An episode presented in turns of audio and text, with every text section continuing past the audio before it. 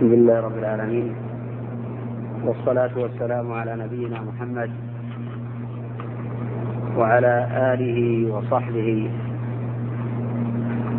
قال الإمام أبو عبد الله البخاري رحمه الله تعالى حدثني محمد بن عثمان بن كرامة قال حدثنا خالد بن مخلد القطواني قال حدثنا سليمان بن بلال. قال حدثني شريك ابن عبد الله ابن أبي نمر عن عطاء عن أبي هريرة رضي الله عنه أن النبي صلى الله عليه وسلم قال قال الله تعالى من عادى لي وليا فقد آذنته بالحرب وما تقرب إلي عبدي بشيء أحب إلي مما افترضته عليه ولا يزال عبدي يتقرب إلي بالنوافل حتى أحبه فإذا أحببته كنت سمعه الذي يسمع به وبصره الذي يبصر به ويده التي يبطش بها ورجله التي يمشي عليها. ولئن سألني لأعطينه ولئن استعاذ بي لأعيذنه. وما ترددت عن شيء أنا فاعله ترددي عن قبض روح عبدي المؤمن. يكره الموت وأكره مساءته. وهذا الخبر تفرد به الإمام البخاري رحمه الله تعالى عن مسلم وعن أصحاب السنن. ولم يروه البخاري رحمه الله تعالى في صحيحه إلا في موضع واحد في كتاب الرقاق. باب التواضع. وقد احتج الإمام البخاري رحمه الله تعالى بكل رواته وصحح لهم. وهو أحد الأحاديث القدسية الصحيحة. ويسمى هذا الخبر عند طائفة من العلماء بحديث الولي. وقد قيل بأن هذا الخبر هو أصح حديث في الأولياء.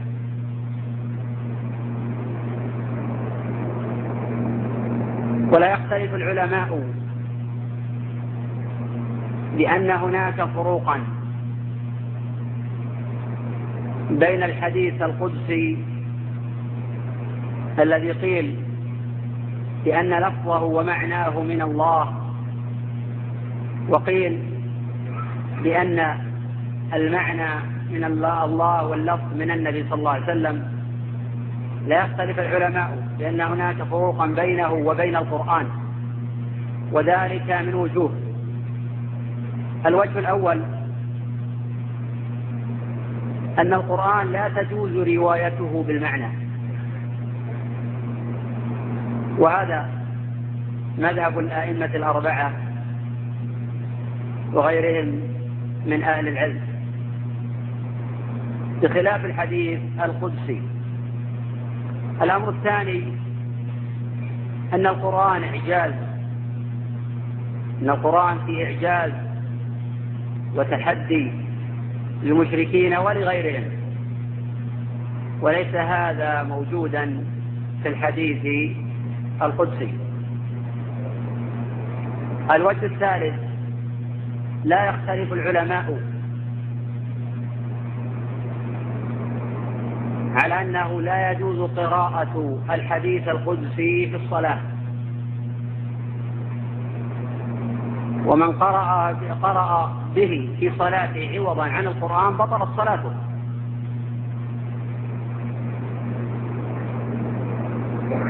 الأمر الرابع ذهب الأئمة الأربعة رحمهم الله تعالى إلى أنه يحرم على الجنب قراءة القرآن ولو حفظا. وهذا بخلاف الحديث القدسي. مسألة منع الجنب من قراءة القرآن مسألة خلافية. منهم من منع. وهذا قول الجمهور. ومنهم من رخص في هذا. وهذا مذهب ابن عباس وطائفة من أصحابه. لأنه لم يثبت عن النبي صلى الله عليه وسلم نهي في هذا والأحاديث الواردة على كثرتها معلولة. وقد كان ابن عباس رضي الله عنهما يقرأ القرآن جنبا علقه الإمام البخاري رحمه الله تعالى في صحيحه. وقد قالت عائشة رضي الله عنها كان رسول الله صلى الله عليه وسلم يذكر الله في كل أحيانه. رواه الإمام مسلم وغيره. وأحيان نكرة. أضيفت إلى معرفة والنكرة إذا أضيفت إلى معرفة اكتسبت العموم. فلا يستثنى من ذلك إلا ما خص بدليل صحيح.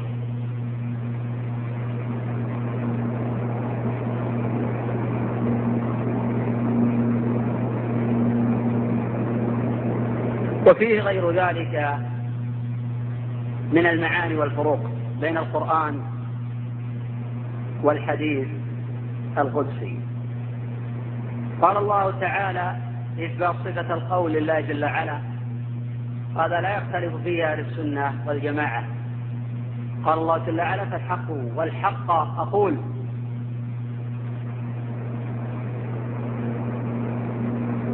قوله من عادى لي وليا فقد آذنته بالمحاربة. آذنته أي أعلمته.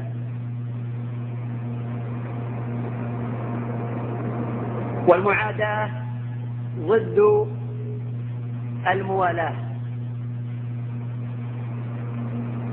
والبغض ضد المحبة. فمن عاد أولياء الله من الصحابة والتابعين لهم بإحسان وأهل العلم المتقين والدعاة المصلحين. فقد آذن الله تعالى بحرب.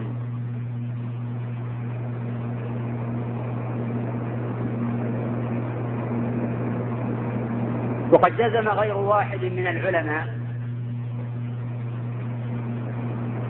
بأن من أصر على المعاصي فقد أعلن المحاربة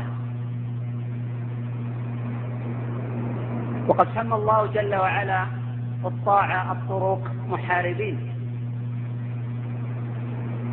وسمى الله جل وعلا آكل الربا محاربا. فقال تعالى فأذنوا بحرب من الله ورسوله.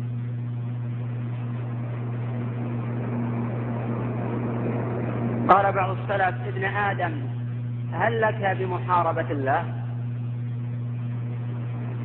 أي هل لك قدرة وطاقة بمحاربة الله تعالى حين تبارزه بالمعاصي وتبارزه بالفجور وتنشر الرذيلة وتخفي الفضيلة وتحمي الفساد؟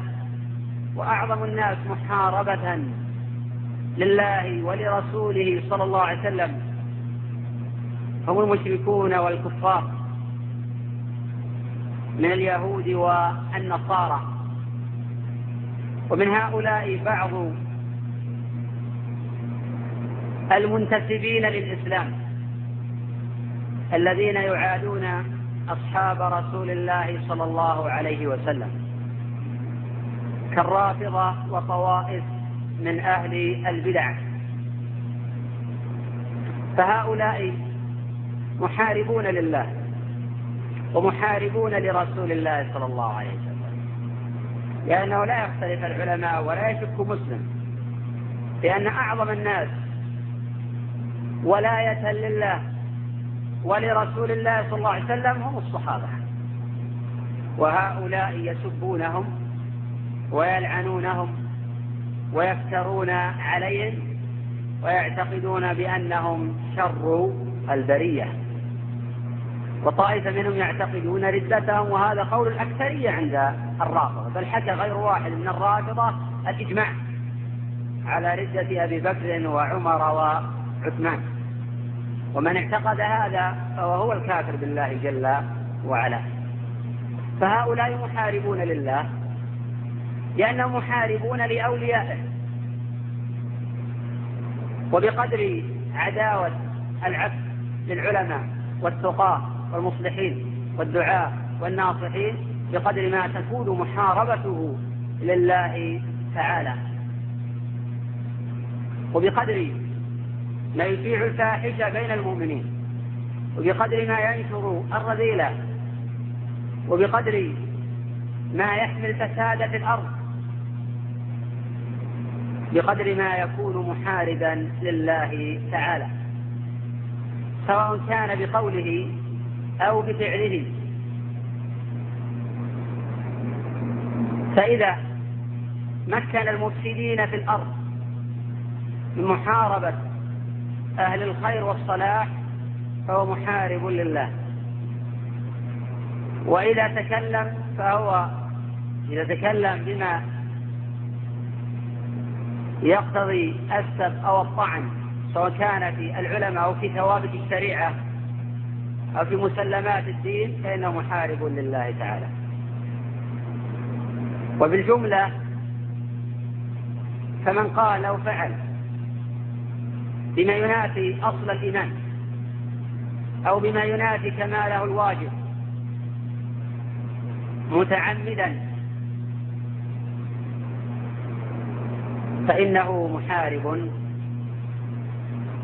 لله ولرسوله صلى الله عليه وسلم.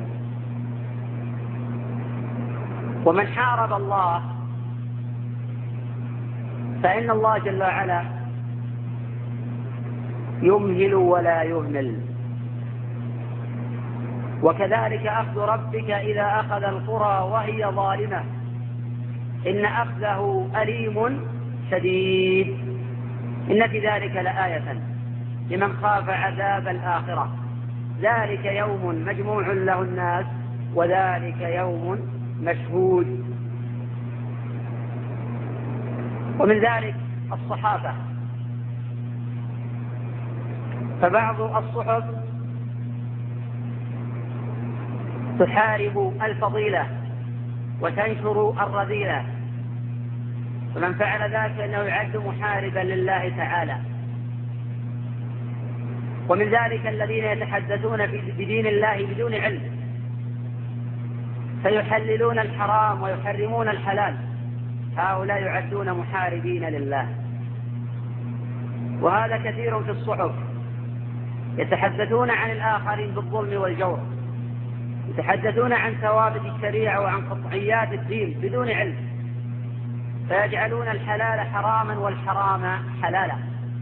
ومن ذلك الذين يمكنون أعداء الدين من الكتابة في الصحف أو يمنحونهم الحرية في كتابة ما يريدون.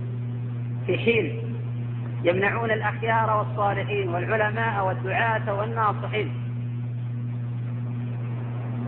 عن الذب عن دينهم وعن أعراض المؤمنين.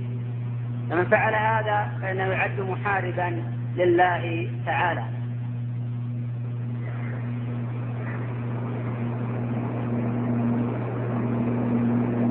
من عدا لي وليا فقد آذنته بالحرب. وما تقرب إلي عبدي بشيء أحب إلي مما افترضته عليه. فإن الفرائض تؤدى قبل النوافل. ولا تقبل النوافل برفض الفرائض. وليس معنى هذا أن النفل لا يصح فعله مطلقا. حتى يؤدى الفرض هذا ليس على إطلاقه. لأن الفرض قد يكون موسعا. فشخص يكون عليه قضاء من رمضان. وهذا موسع إلى رمضان القادم. فإذا جاء يوم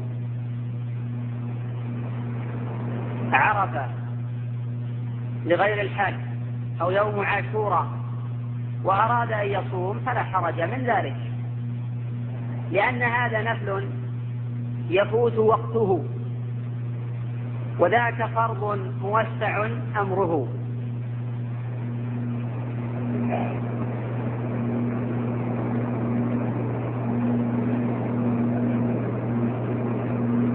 وأما إذا كان الفرض مضيقا وقته فلا يجوز الاشتغال بالنافلة دون الفريضة. فالذين يقومون الليل وينامون عن صلاة الفجر يقال لهم إن الله لا يقبل النافلة حتى تؤدى الفريضة.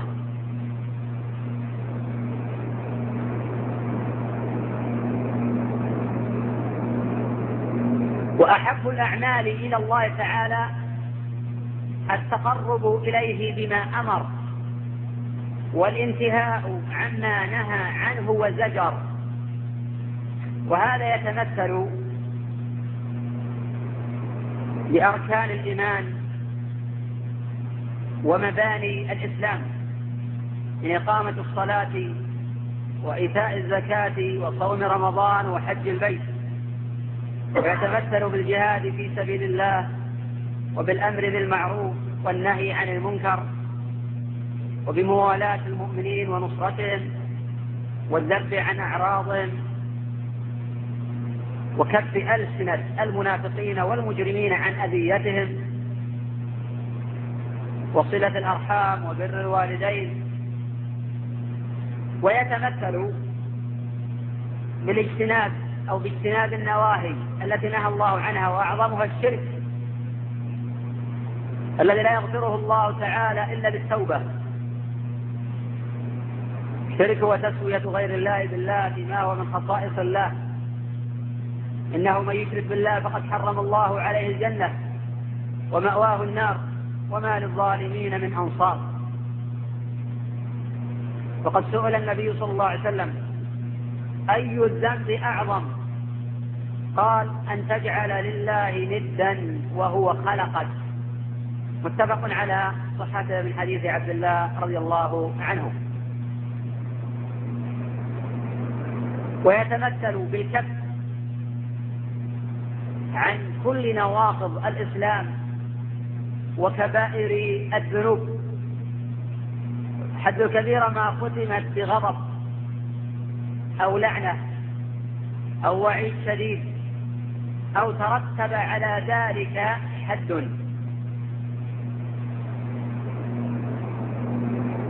ويا لهذه المرتبة المسارعة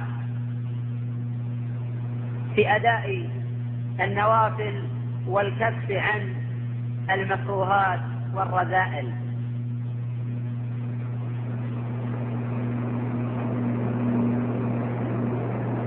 وفيه إثبات صفة المحبة لله جل وعلا. لقوله أحب.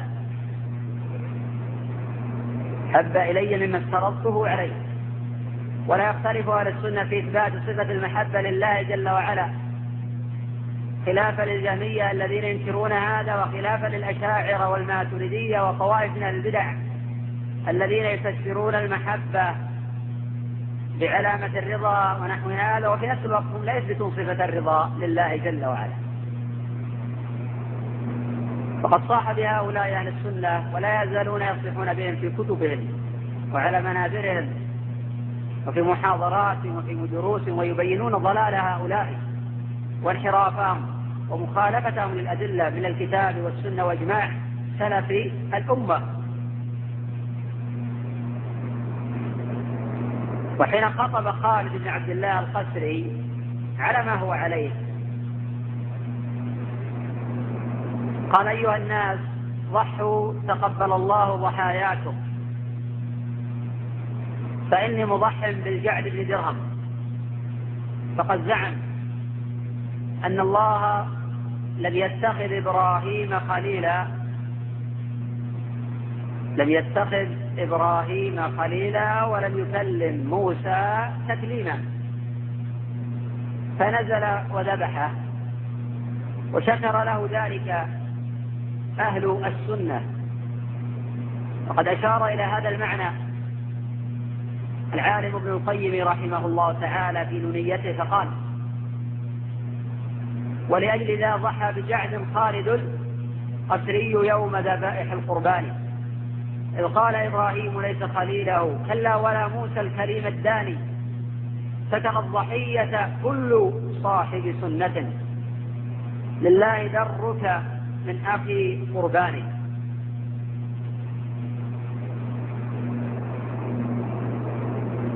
قوله ولا يزال عبدي ولا يزال عبدي يتقرب إلي بالنوافل حتى أحبه.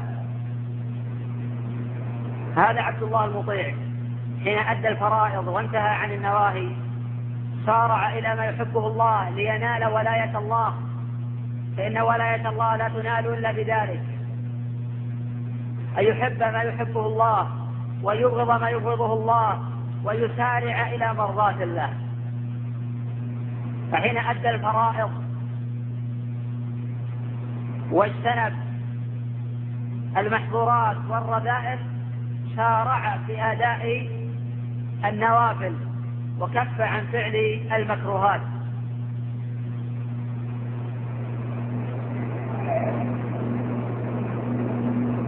وهذه النوافل سواء كانت النوافل القولية من الذكر والتسبيح والتهليل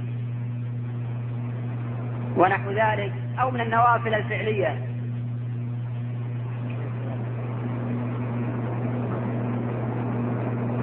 وقد جاء في صحيح البخاري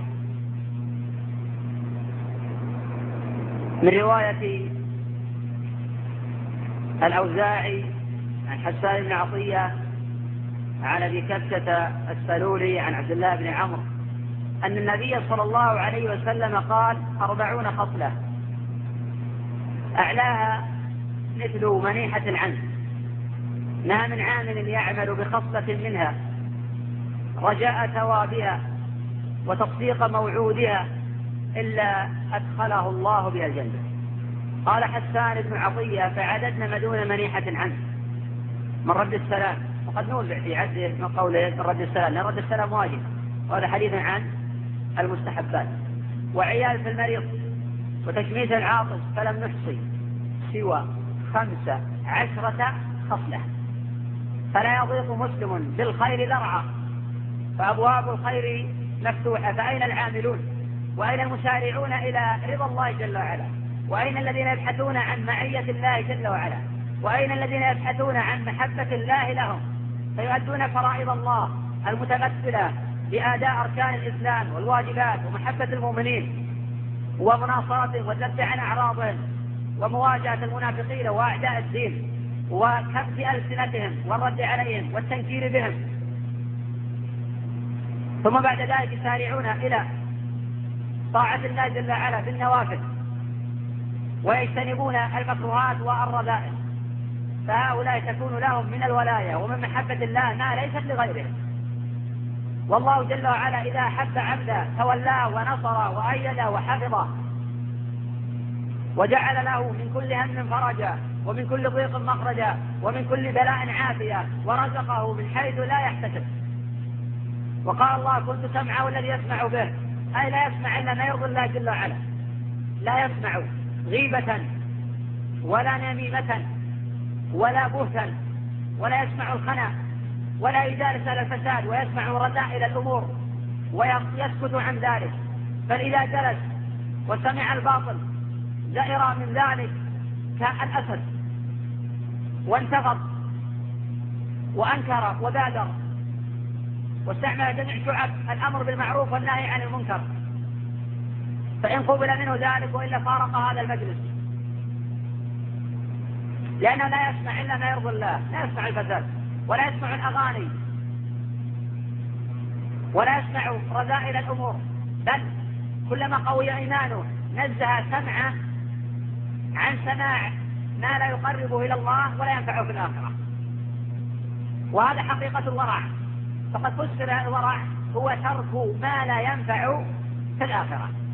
وهذا تفسير نص عليه شيخ الإسلام ابن تيمية وجماعة من العلماء.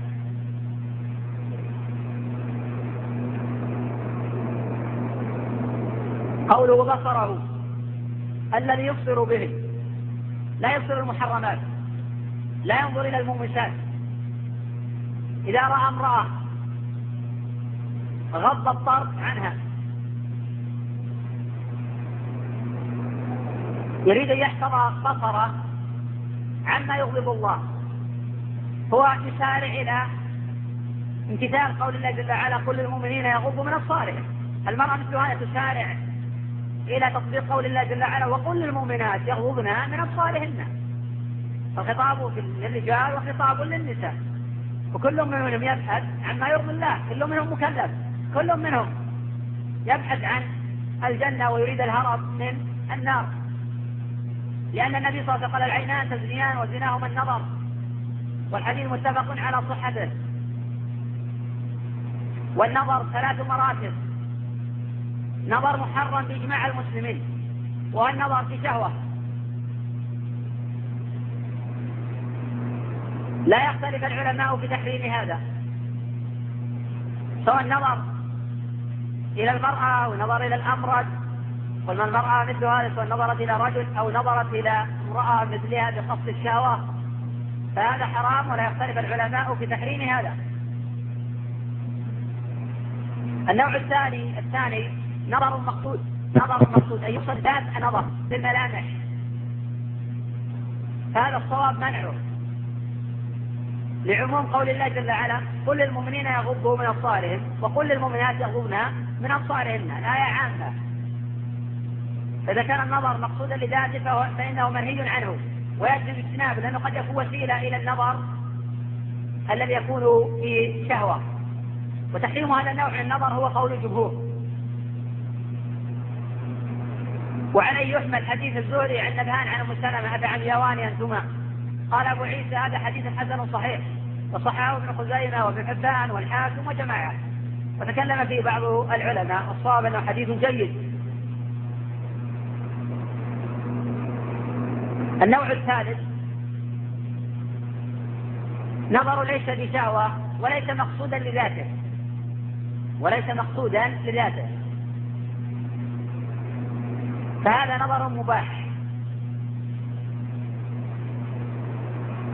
كنظر الرجل إلى المرأة وهي تشتري منه هو لا ينظر إلى ملامحها ولا ينظر إلى جسمها ولا إلى شكلها إنما ينظر لكي يتعامل معها وكنظر المرأة أيضا إلى الرجل وهو يبيع ويشتري أو يمر في الشارع أو في الطريق. ومن هذا القبيل نظر عائشة إلى الحبشة وهم يلعبون بالدرب والحديث متفق على صحته.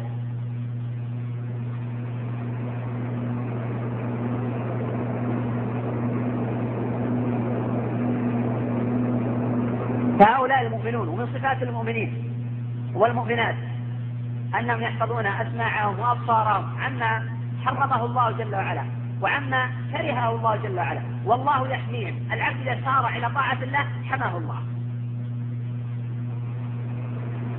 ولله المثل الأعلى. لو كان لأحدكم عبد أي مولى قائم على خدمته يسارع إلى طاعته وينتهي عما يغضبه ولا يتخلف عن طاعته قدر أنمله ولا يمكن أن يرتكب ما ينهاه عنه. فإن السيد سوف ينصح لعبده ويحذر عما يضره ويرشد إلى ما ينفعه ويحاول أن يجلب له الخير وأن ينفع بقدر الإمكان. الله أعظم من هذا. الله أجود الأجودين. الله أكرم الأكرمين. فإن العبد إذا سار إلى طاعة الله وإلى طاعة رسول الله صلى الله عليه وسلم فإن الله جل وعلا يحمي سمعه ويحمي بصره عما لا يحبه الله.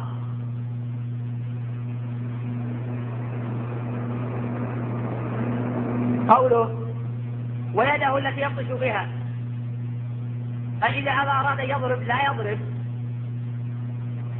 إلا في المأذون به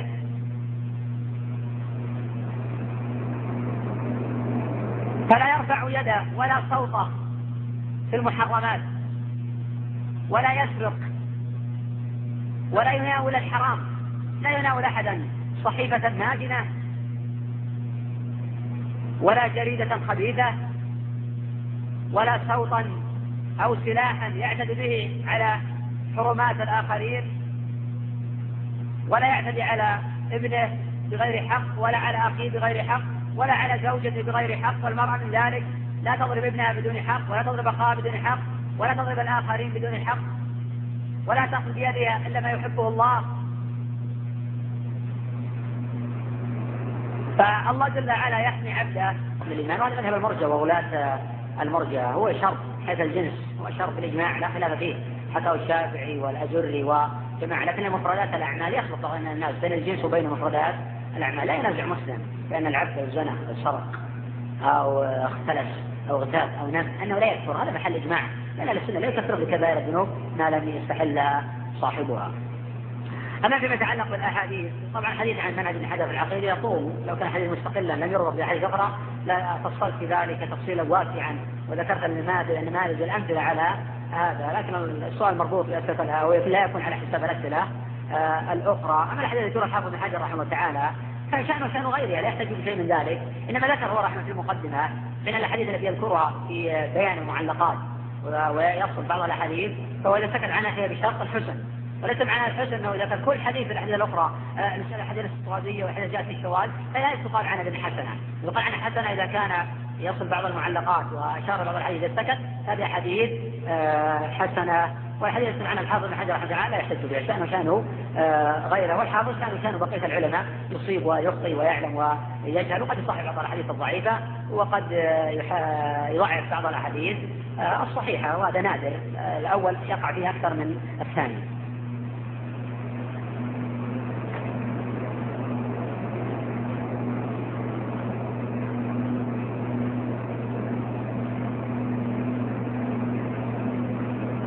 السؤال من الجزائر. الأخ يقول الذين يقولون أنه وقع في عمل الشرك؟ سؤال ثلاثة يقول يخالف مع العلماء في نفس حد الله ويقول سوء الأخلاق والتربية هل وقع في ناقض من نواقض الإسلام. وفي الأخير يقول الثاني نقول بارك الله فيكم آه، وهذا السؤال موجه لشباب الجزائر ويطلب منكم الدعاء والسلام إلى آخره. الذي يسب الله والعياذ بالله أو يسب الرسول صلى الله عليه وسلم سبا صريحا.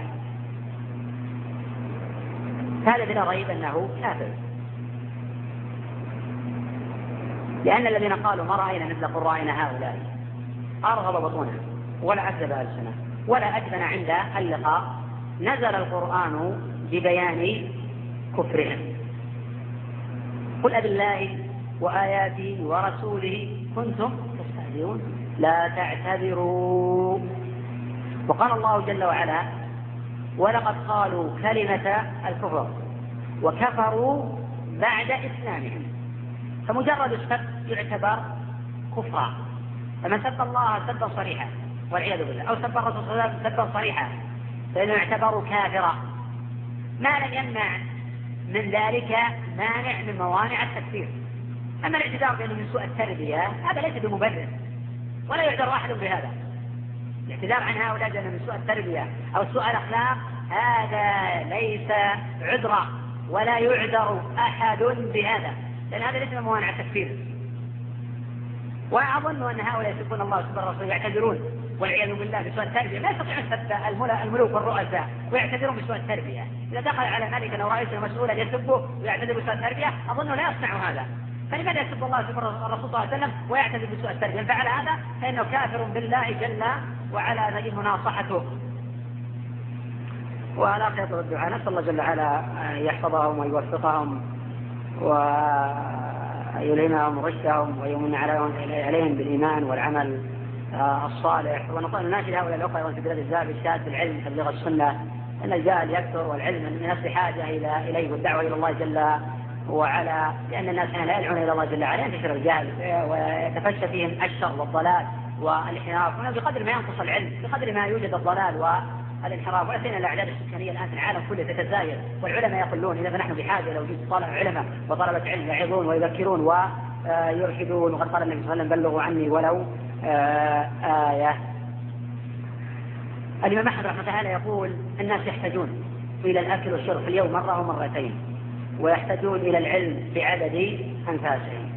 وقد جاء في الصحيحين عن عبد الوارث بن سعيد عن الشيخ الضبعي عن أنس رضي الله عنه. قال صلى الله عليه وسلم إن من اشراط الساعة أن يرفع العلم ويثبت الجهل ويشرب الخمر ويكسو الزنا. الله الله في تبليغ العلم وفي الاجتهاد في طلبه وتحصيل في طلب العلم واجتهاد تحصيله. ولكن الوسائل الآن متيسره في طلب العلم عبر الإنترنت عبر الهاتف عبر الجوال. ثم بعد ذلك تبليغه إلى من لا يعلمه. والجلوس للناس ويوجد محاضرات ودروس عامة وخاصة في آه، تعليمهم.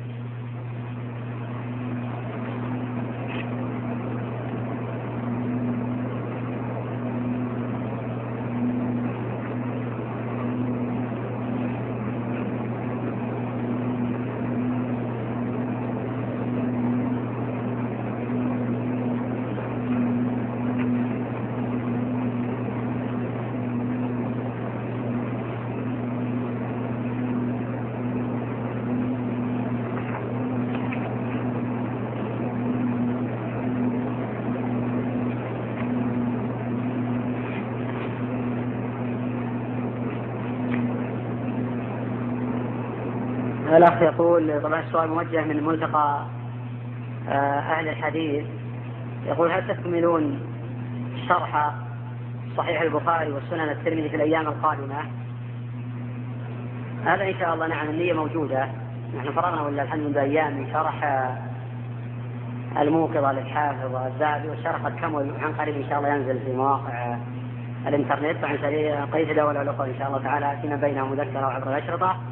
وبإذن الله ان شاء الله سنواصل إن شاء الله شرح صحيح البخاري. لقد فرغنا ولله الحمد من كتاب الوحي وكتاب الإيمان وقفنا على كتاب.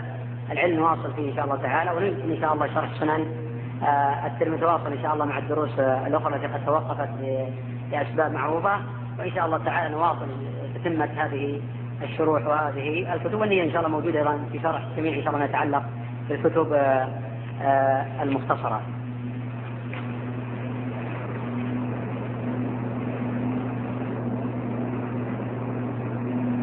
الأخ يقول إن أنا أحبكم في الله؟ أحبك الله الذي أحببتني فيه. يقول أنا أسكن في المناطق المسيحية. أرى أن الأخ يعبر بالمناطق التي تواجد فيها النصارى. أو ليسوا من المسيح في شيء. هؤلاء نصارى قول ونحارب ونحارب في ديننا. ويسب ديننا. ولا نستطيع الرد. ولا نستطيع أن نؤدي العبارات بالشكل الصحيح. ولا نستطيع أن نخرج من بلدنا لقلة الحيلة. ما توجيهاتكم؟ نسأل الله جل وعلا يحفظ هؤلاء الأخوة وينصرهم على عدو الله وعدوهم. ونفتح هؤلاء الأخوة بالاجتهاد في طلب العلم وفي تحصيله. تكون لهم القدرة على توجيه الآخرين توعيتهم ومناظرتهم وإقامة الحجة عليهم. الله جل وعلا يقول قل يا الكتاب تعالى إلى كلمة سواء بيننا وبينكم. ألا نعبد إلا الله ولا نشرك به شيئا ولا يتخذ بعضنا بعضا أربابا من دون الله. فإن تولوا فقولوا اشهدوا بأننا مسلمون. الله جل وعلا يقول ولا تجادلوا أهل الكتاب إلا بالتي هي أحسن إلا الذين ظلموا منهم. فالعلم هو الوسيلة المؤدية إلى نشر الحق تبليغ الإسلام. قد كان النبي صلى الله عليه وسلم يبعث بعض أصحابه الذين عندهم علم وعندهم تحصيل وعندهم قدرة كما عندهم قدرة على التحصيل عندهم قدرة على التوصيل يعلمون الناس. فقد بعث معاذا إلى اليمن. يدعوهم إلى لا إله إلا الله. وجاء في الصحيحين حديث ابن عباس. قال رضي الله عنه لما بعث رسول الله صلى الله عليه وسلم معاذا إلى اليمن قال فليكن أول ما تدعوهم إليه شهادة أن لا إله إلا الله. وأني رسول الله. فإنهم أجابوك لذلك فأعلمهم. أن الله افترض عليهم خمس صلوات في اليوم والليلة. فإنهم أجابوك لذلك فأعلمهم. أن الله افترض عليهم صدقة.